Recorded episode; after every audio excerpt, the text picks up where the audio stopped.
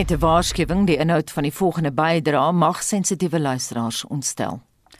Getuienis in die heropende geregtelike ondersoek na die dood van die anti-apartheidsaktivis Dr. Hussein Hafaji het aan die lig gebring dat hy waarskynlik weens verwurging dood is.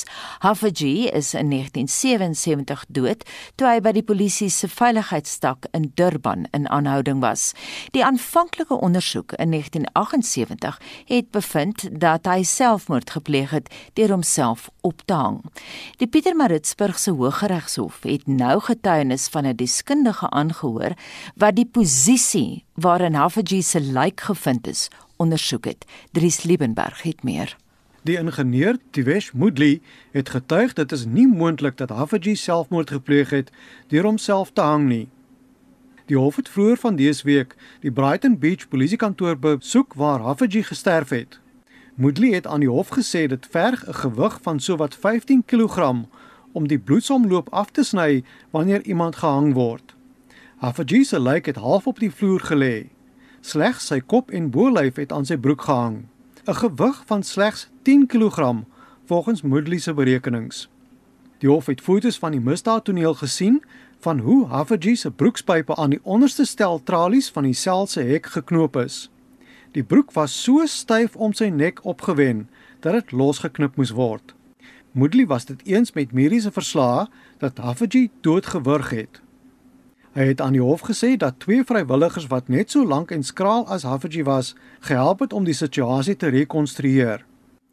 Die nabootsings het volgens Moodley getoon dat dit heelwat inspanning deur die mans geverg het om die lus wat die broek gevorm het styf te draai sodat dit tot verwurging sou lei. Advokaat Howard Vani, wat die Hafaji familie verteenwoordig, het na mediese verslae verwys waar volgens Hafaji harde houe teen die kop, bors en maag toegedien is. Enige van hierdie beserings kon volgens die deskundiges daartoe gelei het dat dit vir Hafaji baie pynlik sou wees om te beweeg of dat hy selfs sy bewussyn kon verloor het. Die hof het ook emosionele getuienis van Hafaji se broer, die 78-jarige Ismail aangehoor. Hy het getuig hy het Hafaji se beserings gesien toe hulle die lijk gewas het om dit vir die begrafnis voor te berei. Na sy mening is sy broer gemartel. Hafaji se suster, die 76-jarige Sarah Lal, het getuig watter impak haar broer se dood meer as 40 jaar lank op hulle hele familie gehad het. Sy sê haar oudste broer Yusuf het die res van sy lewe aan die soeke na die waarheid oor Hussein se dood gewy. Yusuf Hafaji het in 2009 gesterf. Oor die jare het hy daarin geslaag om die transkripsie van die oorspronklike ondersoek, polisiefoto's van die toneel en patologiese verslae op te diep. Hierdie dokumente wat as basis vir die huidige ondersoek dien, is na sy dood in sy studeerkamer gevind. Ek is Dries Liebenberg in Pietermaritzburg. President Joe Biden sê Amerikaanse soldate sal waarskynlik langer as die aanvanklike spertyd van einde Augustus in Afghanistan bly. Die oorspronklike spertyd sou 11 September gewees het, maar die Taliban se snel en suksesvolle oorneem van die land het dinge verander. Ons praat veraloggend hieroor met Theo Venter van Noordwes Universiteit se besigheidskool. Goeiemôre. Goeiemôre Anita. Theo Joe Biden loop behoorlik deur onder die krieks uh, onder die kritiek selfs uh, die voormalige Amerikaanse minister van buitelandse sake Condoleezza Rice het nou op die wa geklim. Maar ek wil graag weet, hoe kon hy nog in middel Julie verklaar het dat die Taliban nie die beheer sou oorneem van die land nie? Wat sê dit vir ons van Amerikaanse intelligensiebronne?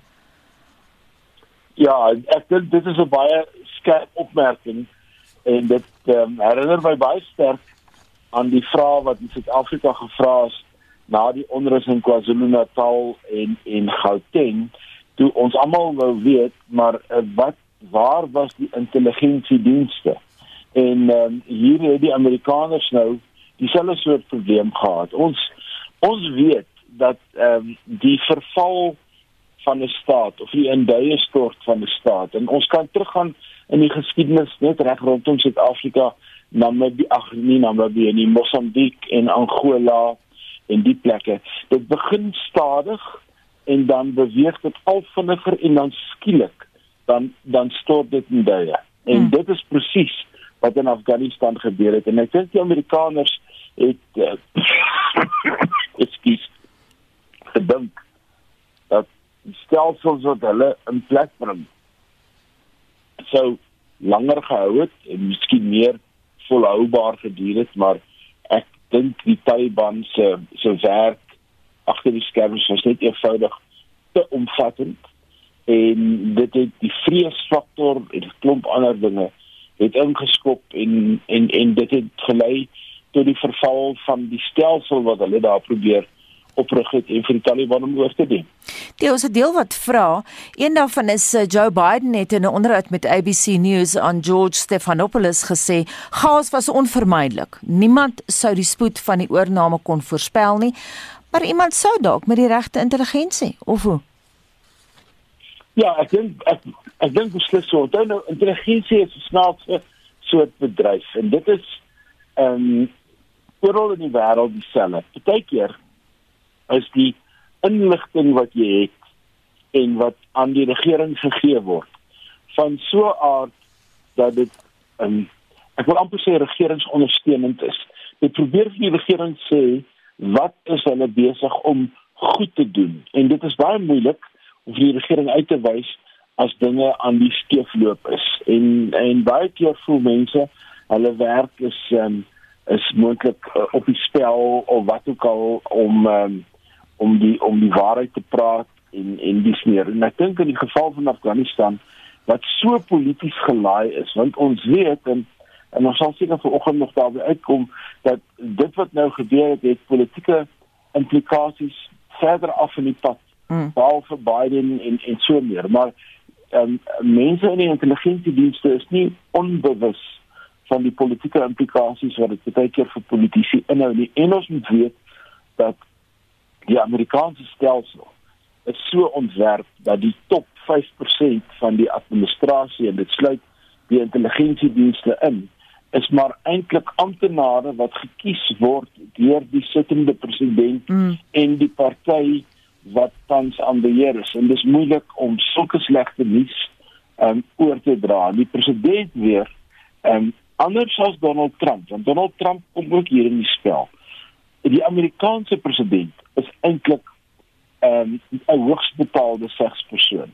Dis die amptenare rondom hom mm. wat die besluite neem wat die intelligensieprodukte ontvang, wat die intelligensieprodukte verwerk en daarom het hy 'n veiligheidsraadgewer wat dan amper die sleutel is tot wat hy hoor en en watter voorleggings hy hoor. Hulle bepaal wat hy sien en wat hy nie sien nie. Donald Trump het in sy tyd mm. dit omgedraai. Sê nee, maar ek kyk TV ook. Ek het ander bronne van inligting en ek dink baie van hierdie goeters het hier skeef geloop in Amerika. Gepraat van Trump, hy het die Amerikaners verbind tot 'n onttrekking. Ek sien Al Jazeera se politieke redaksie skryf nou die week dat Biden se opsies beperk was because the Taliban would not have reacted well to a US decision to renege on its commitment. Wat was Biden se opsies? Hoe kon hy dit anders gespeel het, Theo? Wel, dit is dit is uiteindelik as jy mens nou mooi objektief gaan kyk wat in Italië wat in uh, Afghanistan gebeur het, dan is die besluite eintlik al voor Biden geneem.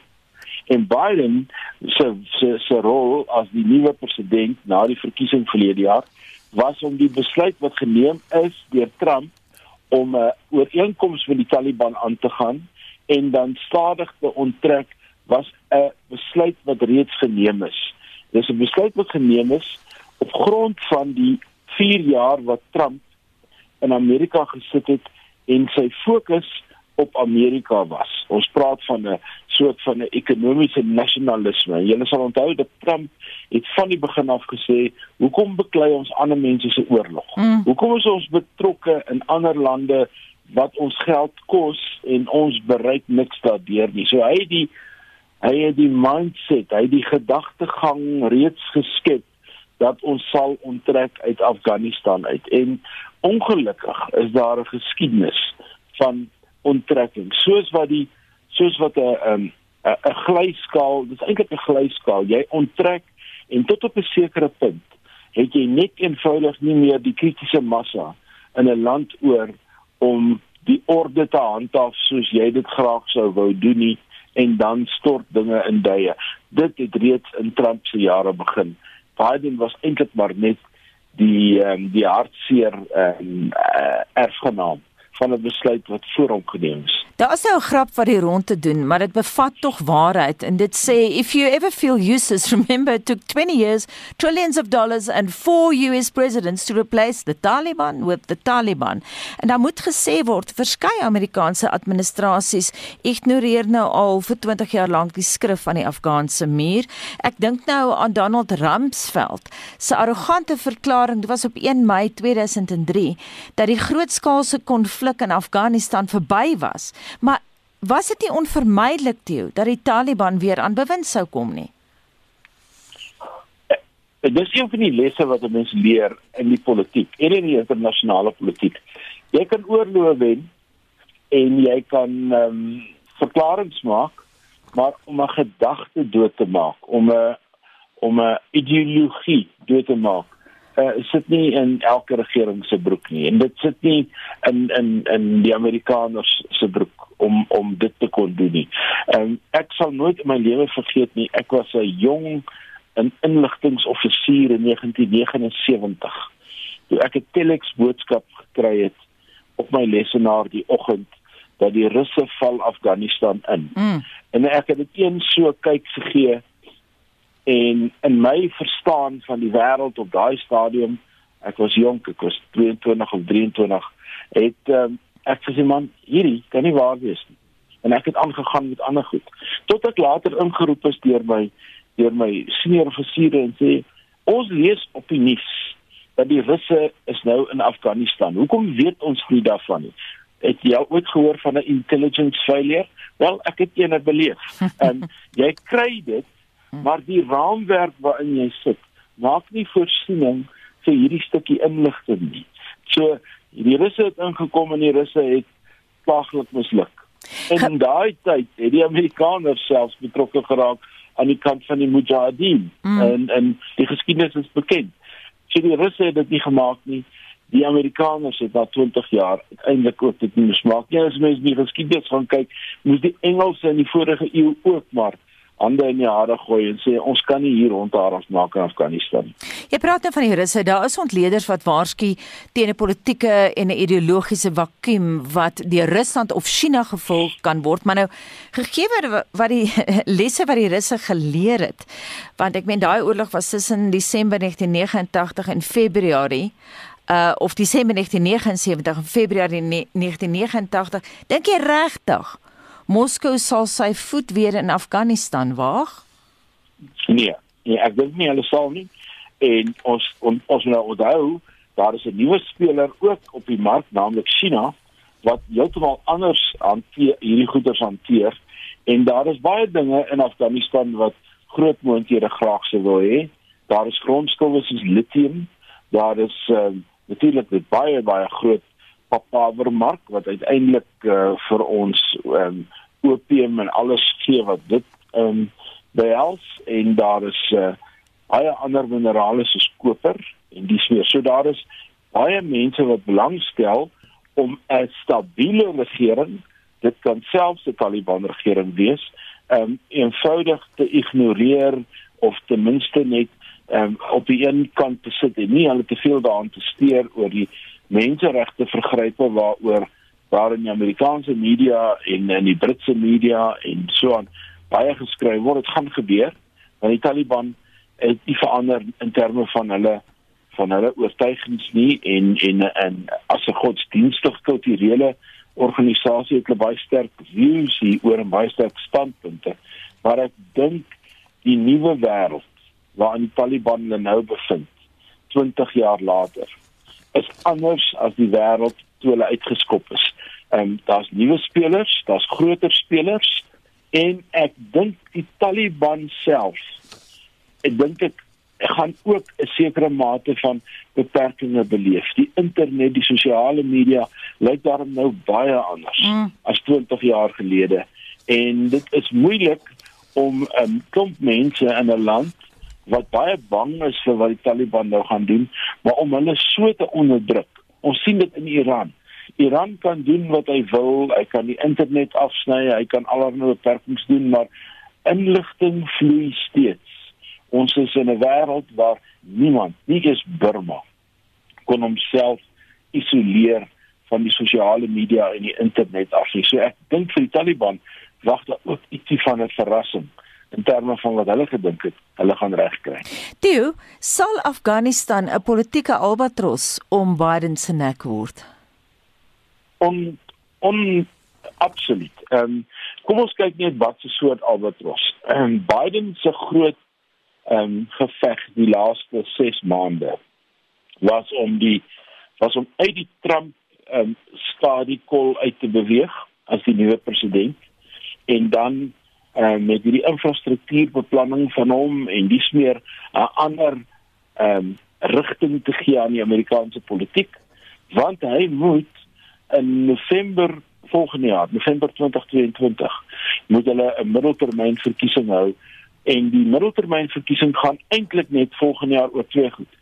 Kan die ehm um, 50-50 verdeling in die Senaat verander word? Met ander woorde kan die Republikeine weer oorneem by die Demokrate en kan die winste wat die Republikeine gemaak het um, onder die Trump presidentskap aan die einde van verlede jaar kan dit verder gevoer word en kan die Republikeine oorneem ook in die huis van verteenwoordigers wat heeltemal moontlik is. Nou hierdie wat nou gebeur het, um, speel absoluut in die hande van die Republikeine vir volgende jaar en dit kan en ons weet nou al uit die geskiedenis uit dat sittende presidente doen nie goed in middeltermyn verkiesings nie en uh, ongelukkig van hierdie Taliban storie en ek weet ek en jy het reeds gesê dit eintlik onder Trump al begin mm. maar dit maak nie saak nie die werklike gebeure die helikopters en die vliegtye wat mense ten aanskoue van die wêreldmedia moes uitvlieg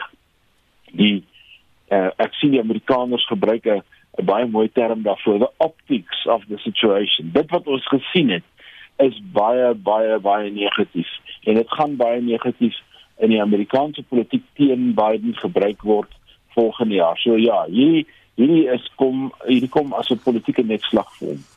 Net laasens, daar is nou so wat 15000 Amerikaanse burgers nog in Afghanistan. Daar's 4500 Amerikaanse soldate in beheer van Karzai internasionale lughawe, maar selfs met daai beskerming het van die Amerikaanse burgers gister aan CBS News gesê hulle kon die lughawe nie eers bereik vir hulle geskeduleerde vlugte nie. Hoe sien jy die situasie uitspeel? Ja, daar gaan nog baie trauma in Afghanistan wees en ek dink die meeste mense reageer in terme van die historiese gebeure in Afghanistan. Wat die Taliban van tevore gedoen het, wat die Taliban gedoen het in die afgelope paar jaar, daar is 'n ehm um, daar is 'n soort van 'n ek wil dit 'n onmenslikheid noem in terme van ons beskouing van wat hulle doen. Dit is nie noodwendig hoe hulle dinge sien nie. En uh, Onthou meeste mense tree op in terme van die persepsie wat hulle het. Ehm um, en eh uh, daardie persepsie is baie sterk en daar is 'n vreesfaktor. Daar is 'n vreesfaktor onder joernaliste, daar's 'n vreesfaktor onder veral vroulike joernaliste oor wat gaan nou die wat gaan nou die situasie met tot hulle wees gaan hulle weer burkas moet dra mm. gaan hulle weer onderhewig wees aan 'n klomp goed wat eintlik die posisie van die vrou in die samelewing afwaarts druk terwyl daar wêreldwyd eintlik 'n verandering ingetree het en en en dat vroue um, gelykmatig en op dieselfde manier as mans gehanteer moet word behalwe in sommige van hierdie hiperkonservatiewe um, moslimlande. Baie dankie en so sê Theo Venter van Noordwes Universiteit se besigheidskool. Ons het vroeër hieroor gepraat met Chris Harmse die ekonom, maar Suid-Afrikaners sal dalk tot 12% van hulle inkomste aan die staat moet afstaan as deel van 'n bydrae tot 'n maatskaplike sekuriteits- of terwyl 'n pensioenfonds en ons wil veraloggend weet wat dink jy daarvan? Heinrich, wat sê daai terugvoer? Anita, jy het dan Chris Harmse vroeër gesê dat die mense mor omtrent op ons SMS lyn of op, op Facebook. Ehm um, hulle is eintlik heel moedig hieroor. Susanna Kreer sê, liewe genade, die mense kry nie eers 12% verhoging in salarisse nie en alles is al reeds so duur. Nou moet daar nog gesorg word vir die wat nog nie 'n vinger verroer het in die land nie. Jaco van Deventer sê, gly verby. Warren Esterhuizen sê, ag nee, 12% is bietjie min. Ek het gedink hulle sou dit 25% maak die kaders raak daarom nou simpel. Johan Keen sê oor my dooie liggaam, al die jare waarvoor ek spaar vir my ou dag, dan wil die staat my geld steel. Julle kry nie 'n sent van my pensioengelde nie. Helene Brummer meld sê die regering moet eers al die gesteelde en vermoste geld terugbetaal. Ons het hard gewerk en betaal vir ons bietjie pensioen. Esther Karsten sê nee, nee met 'n hele aantal uitroeptekens. En dan Rensha Maslow Marsdorp wat sê plaas dat hulle die beleid verander dat daar meer beleggings in die land is en dat daar meer werksgeleenthede vir werklooses geskep word, wil hulle nou met hierdie nuwe plan vorendag kom. Koos Groewe sê dis 'n goeie beginsel om almal te laat bydra tot 'n pensioen. Betaal dan op die einde van die dag aan almal 'n leefbare inkomste. Verhoog ook die BTW met 5% en almal dra by en kry so 'n voordeel op die oomblik betaal die minderheid en die massa kry die voordeel. Die betalendes kry eintlik niks nie. Laura Lou sê dankie tog ek is afgetree en Linda Jacob sê ja nee. Net om nog meer te steel. Kobus Kirsten sê wyse mense net die ANC kan nie met geld werk nie. Dit is 'n tipiese kommunistiese stelsel. En dan Rita Young wat sê net nog 'n manier om geld te laat verdwyn en so is daar 'n hele klomp ander boodskappe wat ook sê die ANC gaan net hierdie geld steel. Die regering kan nie geld bestuur nie en uh, dat daarom die plan daarom 'n goeie idee is. Maar Rex Bester is die uitsondering. Hy sê die berig lê Suid-Afrikaners. So daar's geen probleem indien dit almal insluit nie. So ondersteun ons mekaar. 45889 dis ons SMS nommer en jy kan vir ons jou terugvoer stuur teen R1.50 elk. En as Hendrik gaan net waarskynlik voor 8 weer terug met nog terugvoer van jou die luisteraar.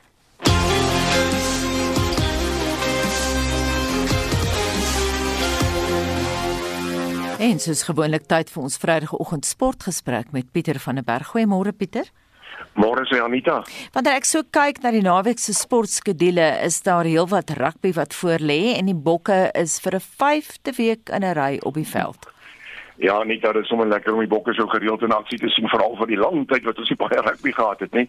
Nou die tweede toets vir Suid-Afrika in die kampioenskapsreeks word dan weer op die Nelson Mandela Bay Stadion gespeel en die bokke het natuurlik daardie eerste toets gemaklik gewen. Vroeger die week is die bokspaal aangekondig, nou daar is 11 veranderinge gemaak aan verlede week se opdragspan. Lore Jager sal onder meer in sy 50ste toets speel terwyl Marvin Ori in sy eerste begintoets op die veld sal draf. Die Argentynë het gister hulle span aangekondig, 'n groot aantal veranderinge gemaak. Soms in die beskakelpaar gekies ek sien dat Domingo Miotti, hy natuurlik vir die Western Force uitgeblink in die Super Rugby vroeër hierdie jaar. Hy sal die nommer 10 trui dra. Daardie wedstryd begin dan môre om 5 minute oor 5 en uh, dit is uh, Engeland se Carl Dickinson wat uh, Dolf ja Dixon verskoning wat die fluitjie sal hanteer en Johan uh, Rademan sal gereeld verslag doen oor daardie wedstryd. Dan nou die All Blacks in Australië, hulle speel weer aanstaande week die mekaar in in die reeks. Wat die Currie reeks aan betref is daar môre twee wedstryde geskeduleer. Die eerste wedstryd is reeds om kwart voor 12 môreoggend, die Pumas teen die Cheetahs en dan om 10:00 2 môre middag sal die Lions en die Haie mekaar takel in Johannesburg. Dion Skuman sal verslag doen oor daardie wedstryd. En dan Anita, Sondag is daar een wedstryd, dit is Griekwaas teen die Weselike provinsie en daardie wedstryd begin om 0:30. Tennis het nou die afgelope tyd baie aandag geniet en daar's verskeie jong spelers wat hulle merk maak. Waar was die aksie die week? Ja, die ATP en WTA spelers is in Cincinnati by die Western and Southern Open. Nou in die mans enkelspel, die top 4 gekeerde die top 4 gekeerde die top 4 gekeerde spelers is hulle deur aan die laaste 8 dan en uh, nou ja, dit word natuurlik ook beskryf as die kwart eindstryd. Die eerste keer het Daniel Medvedev uit onder meertaan gespeel met Grigor Dimitrov, die telling daar 6-3 en 6-3. Dan is die tweede keerde Stefanos Tsitsipas, die derde keerde Alexander Zverev en die vierde keerde Rus uh, Andrei Rublev is hulle almal deur na die kwart eind. In die vroue enkelspel is Naomi Osaka in die ronde van 16 uitgeskakel en wat die kwart eind wedstryde aanbetref, uh, daar is onder meer die wedstryd van uh, tussen Ashley Barty van Australië, sy is eerste keer teen Barbora Krejcikova en uh, sy is 90 keer van Tsjechië en dan nog 'n Tsjech, Petra Kvitova, sy is 11de keer, sy sal te, te staan kom teen Angelique Kerber. Brandon Grace het verlede week 'n tweede plek op die golfbaan losgeslaan. Watter spelers vaar tans goed in hierdie week se toernooie? Ja, die Sunbet Ope hier plaaslik word by die Wingate uh, buiteklub gespeel in Pretoria. Nou na ronde 2 is Estian Conradie die voorloper met 1-0. Hy's op 800 syfer met Malcolm Mitchell in die tweede plek op 700. Jaco Alles, hy staan op 600 in die derde plek na 'n ronde van 67 in die tweede ronde. Dan in Europa word die Tsjechiese meesters gespeel, Maverick Antliff en Hendrik Stenson. Hulle is gesamentlik voor op 500 syfer met Suid-Afrika se Dean Burmester in die derde plek. Hy's op 400 en ek sien Jacques Kruiswijk en Daniel van Tonner. Hulle is 'n 1-0 verder terug op 300 syfer. Dan wat die FSA se toernooi betref, dis die Northern Trust Open. Nou die groot kanonne van golf is daar in aksie en hulle is ook bo aan die voorlopersbord. Ja, Justin Thomas en John Rahm. Hulle is drie houe voor hulle naaste teenstanders. Hulle is op 800 syfer na briljante 63 in die eerste ronde. Harold Warner die derde is op 500 dan sien ek daar dat Erik van Rooyen en Derek Higo, hulle is op 200 syfer gesamentlik in die 15de plek. En dan op die vroue toer word die vroue ope op Carnoustie daar in Skotland gespeel en na die eerste ronde is dit uh, drie spelers op 500. Dis Korea se Shin Young Kim, Swede se Madeleine Zagstrom en dan het die VSA se Nelly Korda. Suid-Afrikaanse Paula Retto, sy's gelyk aan syfer en dan Anita sien ek dat Ashley Bohai sy's een oor syfer. Op die cricketveld het Indië vroeër die week verras toe hulle die Engelse op die laaste dag pak gegee het in hulle tweede toets. Is daar ander toets cricket? Ja, Engeland weer verwys na daar natuurlik hoe op die vyfde dag swak veldwerk gedoen het. Hulle het ook met die kolf besluk en Indië daar met 151 lopies gewen. Dis op Lords in Londen van alle plekke en uh, die derde toets begin aanstaande Woensdag. Nou daar is ander cricket vandag soos jy gevra het. Dis die tweede toets tussen die Wes-Indiese eilande en Pakistan. Dit begin om 5:00 Suid-Afrikaanse tyd daar in Kingston vandag en die Windies, hulle is 1-0 voor in uh, daardie uh, reeks want hulle het die eerste toets met een paaltjie gewen vroeër die week. En oor die wêreld heen het sokkerspelers hulle verdiende ruskans na 'n baie lang seisoen gehad, maar verskeie kompetisies is nou weer aan die gang. Ja, vandag in die DStv se Premier League gaan dit Sundowns teen AmaZulu om 5:00 vanmiddag. Môre is daar vyf wedstryde. Dit sou onder meer Golden Arrows teen Maritzburg United uh, uh, in en ook Orlando Pirates teen Stellenbosch. Daar die wedstryde by van hulle begin om 3:00. Dan in die Engelse Premier League gaan môre Liverpool teen Burnley, Aston Villa teen Newcastle, Man City teen Norwich City, Leeds teen Everton, Crystal Palace teen Brentford en dan Brighton kom te staan teen Watford. Sondag is daar ook drie wedstryde in die Engelse Premier League en twee in die DStv se Premier League hier in Suid-Afrika. Dan Anita Jody Hendrik sal meer sport hê vanmiddag in Spitstyd en ek sal môre naweek opsiel weer die jongste uitslae gereed hê vir ons luisteraars. Baie dankie dit dan ons sportmedewerker Pieter van der Berg. In volgens se wêreldnuus oorsig gaan ons terug na Afghanistan. Ek het vroeër breedvoerig met Theo Venter gepraat oor die nuutste gebeure daar, maar Anne Marie, dit bly die hoofnuus op die internasionale spyskaart of hoe? Dis reg, mense wat dit wel reg gekry het om reeds uit die land te vlug, deel nou hulle stories met die media. Hierdie Britse burger het vir joernaliste op die Frankfurt lughawe in Duitsland vertel dat Duitse soldate hom gehelp het om by die Kabul lughawe in te kom. Somebody told me uh, to go towards the north gate of the terminal where the Americans and the German troops are there. It was a chaos even when I arrived there. It took me good few hours and I was in tears, honestly. Uh, I managed to find a ticket. They even gave me my boarding pass and within a few hours there was a panic inside the terminal saying the Taliban has taken over the airport and they're gonna come in. So all the staff at the airport, including the pilots, everybody left. And there were like hundreds of people uh, from all around the world. We got stranded there. Hy sê dit het hom etlike dae geneem om 'n vlug te kry. So we were there for a couple of nights without food and water and a night after that ordinary people they started coming into the airport without passports or anything. They looted the airport. They broke everything that was in there. The computers, the canteens and we were scared. We were not allowed to go out because Taliban was there and on this side it was the American troops. So we were like what are we going to do? Just stay here. Die man is uiteindelik op 'n Duitse weermag vliegtuig omdruim. En na die Afrika vasteland in die noorde van Kameroen is 32 mense dood en verskeie dorpe aan die brand gesteek weens botsings tussen etniese groepe. Ja, volgens die VN se agentskap vir vlugtelinge is 19 dorpe reeds afgebrand en moes hulle meer as 7000 inwoners van hierdie dorpe in vlugtelingskampe huisves.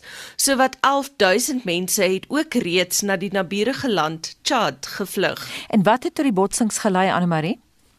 Volgens hierdie inwoner was etniese Arabiese Chua herders kwaad omdat hulle vee in gate geval het. Visvangers uit 'n ander etniese groep grawe hierdie gate om dalende vloedwater op te vang en dan vis daaruit te trek. We were surprised, in fact, because it was a fight between two people, a fisherman and a farmer, that turned into a confrontation. Die streek in die noorde van Kameroen loop ook al jare lank deur onder aanvalle van die terreurgroep Boko Haram. Die owerheid in die Ivoorkus het 'n uitbreking van die H5N1 voëlgriepvirus naby Abidjan bevestig. Dit het daartoe gelei dat vervoer van pluimvee in die omgewing rondom Abidjan beperk word. Geen pluimvee sal uit ander lande na Ivoorkus ingevoer word nie. Nog voëlgriepgevalle is reeds hierdie jaar in Niger, Burkina Faso, Nigerië, Mauritanië en Senegal aangemeld. En dit was Anne Briansen van Vuren met 'n oorsig van vanoggend se wêreldnuus gebeure. Leon van Nerop het onlangs na 'n reeks gekyk wat hom hysteries laat lag het. Leon, goeiemôre. Môre Anita. sien jy lag nog? Vertel ons tog van die reeks wat jou nog steeds aan die lag het. Kyk, praat van Dowwe Dollas, die TV-komedie reeks The Flight Attendant. Is so maltrap. Die fiets se wiele rol sommer voor die fiets hierdie bot af. Ons ken almal meeste waardige lugverdinne, let wel ek sê meeste, wat by die deur staan en in Engels sê, "Welcome, could I see your ticket please?" Met 'n geoefende glimlag in daai monotone stem. En die flight attendant, kyk ek Dowwe Dolla met mooi blonde hare, nis Jana nie, ja, gespeel deur Kelly Kwoko. Nie is altyd na die passasiers se kaartjies nie, maar hoe knap die manne se broeke sit. Sy vang die oog van 'n bebaarde vleispaleis die aantreklike Belg Michiel Huisman in eerste klas en dan nou ja, smelt die ys in alle klasse voordat die champagneglase breek. En dis net hier nadat dinge skeefloop. Praat van 'n rowwe landing. Wanneer die twee mooi mense sy al trippelend met Pyrex voor o, eers deur die strate baljaar, vergeet Cassie Bowden alles van vliegtye. Styg net op en op verby die 12de hemel tot 'n uh, verrassing haar in turbulensie werk. Meer wil ek nie verklap nie. The flight attendant is vir mense wat van die geordende chaos wil vergeet waarin ons land omtans bevind en nooit weer wil ophou lag nie. En kan die dame trippel en groot en hoëskil die hon onder haar kuifie trek. Jy sal the flight attendant oor 'n naweek vraat kyk en vlugsuik moet drink om jou asem te kry. Heerlik. Dit kry 8 uit 10 en styg op en op en op op Showmax. Mhm. Nie alle flieks het jou lag laat lag nie. Wat was verkeerd met Reminiscence? O, oh, droefenis. Met Reminiscence in teaters met Hugh Jackman as 'n grove, beneekte filmnarspeurder, moes ek na dese die storie gaan naslaan om uit te maak presies wie wat met wie gedoen het. 'n Soort so kundige streep dokters, streep wetenskaplike, wie weet, kuier mense se geheue en gedagtes rond daar ontdek hy talle geheime en flankeer soms met sy geliefde. Maar wat gebeur as hy die geliefde verloor? Eerlik, ek weet nie. Dan vry hy met sy verlore liefde en al albei se gedagtes, dan beklei hy op virtuele platforms met die skurk, dan raak hy soos mekaar soos 'n eier en 'n eierklitser en tussenin is daar seksie musiek, donker fotografie en 'n storie wat soveel sin maak soos die onlangse plundery in ons land. Ek sou nie my geld in 'n teater of reminiscence mors nie. Maar onthou net, alle teaters is volkome veilig en gesaniteer as jy die naweek 'n bietjie wil uitkom. 4 uit 10 vir Reminiscence. Kom ons gaan na Beckett toe, die rolprent. Ek wonder nou, het dit iets te doen met daai historiese drama wat ons ken? O nee nee nee glad nie. Beckett met twee tees gespel, speel hoofsaaklik in Griekeland af en gaan oor 'n Amerikaanse toerist gespeel deur John David Washington wat moet keer om nie self vir die te word nie wanneer sy lewe in gevaar is en hy moet vlug na 'n tragiese motorongeluk. Want sien, sy motor beland in 'n duistere huis vol geheime. Wie is die geheimsinnige mense in die huis waardeur sy motor bars? Daar's meer opwinding as tot Peter O'Toole en Richard Burton in die oorspronklike historiese Beckett kon hanteer en niemand se kop word afgekap nie. Beckett op Netflix is woeste weghulp brandavontuur waar die held meer hardloop as enige atleet in die Olimpiese spele. Dit sal jou boei van begin tot by die verrassende hardloop strompel val slot. Beckett met 2 T skryf 7 uit 10 nou op Netflix.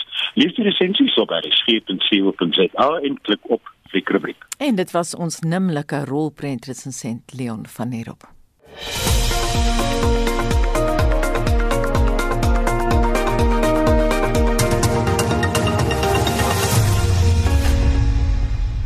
Chips was vir die tweede week na mekaar in die nuus in Suid-Afrika. Dr Willem Botha gesels daarom vooroggend vir die laaste keer oor chips. Ons praat ook oor die WAT en die RSC se nuutskeppingskompetisie. Vir die wat nie weet nie, Dr Botha is die hoofredakteur en uitvoerende direkteur van die Woordeboek van die Afrikaanse taal. Goeiemôre Willem. Goeiemôre Anita. Ons fokus nou vooroggend weer soos die hele week al op die nuutskeppingskompetisie. Watter woord het gister gewen? Goed, uh gister het amper kamper gewen. En ek weet net is nou iemand wat hou van kampeer, maar hy wil so 'n bietjie luxe daarmee saam ervaar. So dis eintlik 'n glam camper en is ingestuur deur Calipo. En baie dankie aan almal wat woorde gestuur het, baie dankie aan almal wat gestem het en ons het beloof dat die mense wat stem ook iets sal kry. So vanoggend uh, wen Brenda Du Plessis 'n kontantprys geborg deur die ATKV van R250. Nou uh vandag is die laaste dag waarop ons vir 'n nuutskepping kan gaan stem en luisteraars moet kies tussen die vier dagwenners wat ons nou al gehad het en daar's weer R250 op die spel vir die mense wat stem en die wenwoord kry natuurlik van die ATKV vier dae vir, uh, vir vier mense in 'n ATKV oort van sy keuse. Anita en die vier woorde waarvoor die mense vandag moet stem vir die groot prys is A amper kamper, 'n kampeerder wat hou van sy leksheid. B bohaai kraai, iemand wat 'n bohaai opskop oor 'n kleinigheid. Sloerpot, dis nou die Afrikaans vir 'n sloukoeker of 'n prikpot en wrokperdjie. Dis net iets waaroor iemand gedurig kla en dink hy's veronreg daai saak wat 'n groot wat jy nou 'n groot wrok het. En jy wil vir my vra, hoe stem die luisteraars aan die Ek wil tog want ek sien daar was baie verkeerde bewoorde SMS'e. Vertel ja. presies vir luisteraars ja, hoe moet hulle te werk gaan. Ja, ek gaan weer vir hulle mooi probeer sê. Goed, luisteraars het tot vanmiddag 3 uur om te stem deur 'n SMS te stuur na 45889. En jou SMS moet lees: woord spasie A of woord spasie B of woord spasie C of woord spasie D afhangende van die woord waarvoor jy stem. En die vier woorde is, dit is vandag 4, ek herhaal net gou. A amper kamper. B boai kraai. C sloerpot en D wrokperdjie. En dan baie belangrik, ons moet die wortel tog vir die luisteraars hou. Watter pryse kan hulle wen? R250 vir die mense wat stem en daai naweek vir 4 uh vir die wenwoord. En dan moet ek tog vir jou vra wat gebeur uiteindelik met hierdie woorde wat wen? Word hulle um, deel van 'n nuwe woordeboek Willem? Nee. Ehm um, van hierdie woorde het enkeles al die WAT uh, gehaal. Sloertoer vir 'n roadtrip het wel die WAT gehaal, maar dit gebeur selde. Uh, hierdie woord moet gevestig raak in in in Afrikaans, dan sal ons dit opneem. Maar Afrikaans kom uh, het in die verlede so 'n woordeboekie saamgestel van nie nie skepings maar dit is maar net vir pret né? Ehm um, eers as die woord gevestig is in Afrikaans kan 'n woordeboek dit opneem. Ja laasens maar besis nie eh, die minste nie. Ons woord van die week is chips. Ja chips. Hier kom 'n geur verby. Was verlede week die opskrif in die burger 'n uh, opskrif in die burger. Nou hier beteken daai chips bly stil of oppas. En op skool is dit altyd geskree as 'n onderwyser in aandtog was Nou tomatiesous was in 1957 saam met sout en ansyn en kaas en eie die eerste 3 geure waarin Simba skyfies te koop was. Simba beteken leeu in Swahili en daarom is daar 'n leeu met 'n kroon op sy kop op die verpakking van die skyfies. Tomatiesous word nou afgeskaf en dit het die koerante laat teruggryp na die beginjare van skyfies in Suid-Afrika. Die Simba handelsmerk het uit die ouma beskuit handelsmerk ontwikkel en die ouma beskuit het sy ontstaan gehad in die Groot Depressie in die 30er jare van die vorige eeu. Nou wat daar gebeur het is dat 'n dominee op die dorp Multino het 'n aanbod gemaak aan 'n groepie vroue in navolging van die verhaal van die talente in die Bybel. En dit was op die hoogtepunt van die depressie toe hy vir elkeen 'n half kroon gegee het met die opdrag om dit te vermeerder. Nou ene mevrou Grywenstein het begin beskuit bak en daarmee 'n weghol sukses behaal wat gelei het tot die registrasie van die handelsmerk Ouma. Toe sy haar kinders oor see gestuur en hulle het met die idee van skuifies gekom en so het Simba skuifies ontstaan. Maar daar's nog 'n mooi uitdrukking, het sy chips gehad. En dis 'n baie gevestigde uitdrukking in Afrikaans wat beteken dis klaar praat met hom, maar waar op aarde kom dit vandaan? Nou dit waarskynlik verwys dit na die steentjies wat by dobbelspieetjies speletjies gebruik word. Nou as iemand al sy steentjies verloor het of sy sy chips verloor het, dan het hy sy chips gehad, het hy niks oor nie. Of 'n ander verklaring is dat op die ou skeepswerwe is die werkers toegelaat om spaanders uh, en stukke afvalhout as 'n byvoordeel huis toe te neem. Hierdie stukkies is dan gebruik in hulle eie huise. En die voorman kon hierdie voorreg die enige tyd herroep in watter geval die arme werker sy chips gehad het en hy sal nooit weer 'n spaandertjie kry nie. En so sê die hoofredakteur en uitvoerende direkteur van die Woordeboek van die Afrikaanse taal Dr Willem Botha. Onthou jy het nog tot 3 uur vanmiddag kans om te stem deur 'n SMS te stuur vir die woord wat jy kies uh, van vandag in daai SMS moet gestuur word na 45889. Ook baie belangrik, jou SMS moet lees woord A, woord B of woord C afhangend van die woord waarvoor jy stem. Vroeger in Monitor het ons in diepte gepraat oor die feit dat Suid-Afrikaners dalk tot 12% van hulle inkomste aan die staat sal moet afstaan as deel van 'n bydrae tot 'n maatskaplike sekuriteits- of terwyl 'n pensioenfonds. Heelwat reaksie daarop vanoggend Heinrich het vir ons meer. En dit aan die trant daarvan is dat die luisteraars glo dis net nog 'n geld maak plan van die ANC en dat hulle in elk geval nie as regering met die geld kan werk nie. Kobie Venter sê hierdie gaan 'n groot ingewikkelde sentrale stelsel moet wees wat geweldig baie inligting moet verwerk. Die tweede vraag is kan ons die regering vertrou met so baie geld en met hulle swak diensleweringrekord? En dan hierdie oorstydse sê vat en vat en vat van ons werkersklas, maar die staat steel en steel en steel net soos hulle lekker kry. En dan 'n klompie kort en kragtige reaksies Johan Els communism. Rina Finks net nog teks. Drika van der Linden van der Linden bloedseiers. Dani Lou staatskaping. Jacques Adnel Greed. Piet Vermeulen nee. Ek kom ek sê nou maar dinges wil nee en Dani Jacobs wat sê hond se dinges. Dis dan ons terugvoer vanoggend van ons luisteraars. Laaste woord daar aan Heinrich. Onthou vorige uitsendings van Monitor is op RC se webblad as 'n potgooi beskikbaar. Gaan na www.rc.co.za. Ons kry baie navrae oor luisteraars wat wil hê ons moet vir hulle klank stuur. Onthou, gaan na die webblad. Die klank is daar. Dit behoort elke dag na 11uur gelaai te wees. En daarmee groet ons namens ons uitvoerende regisseur Nicoline de Wee. Die redakteur vir oggend was Jean Esterhuizen. Ons produksieregisseur Daitron Godfrey en my naam is Anita Visser.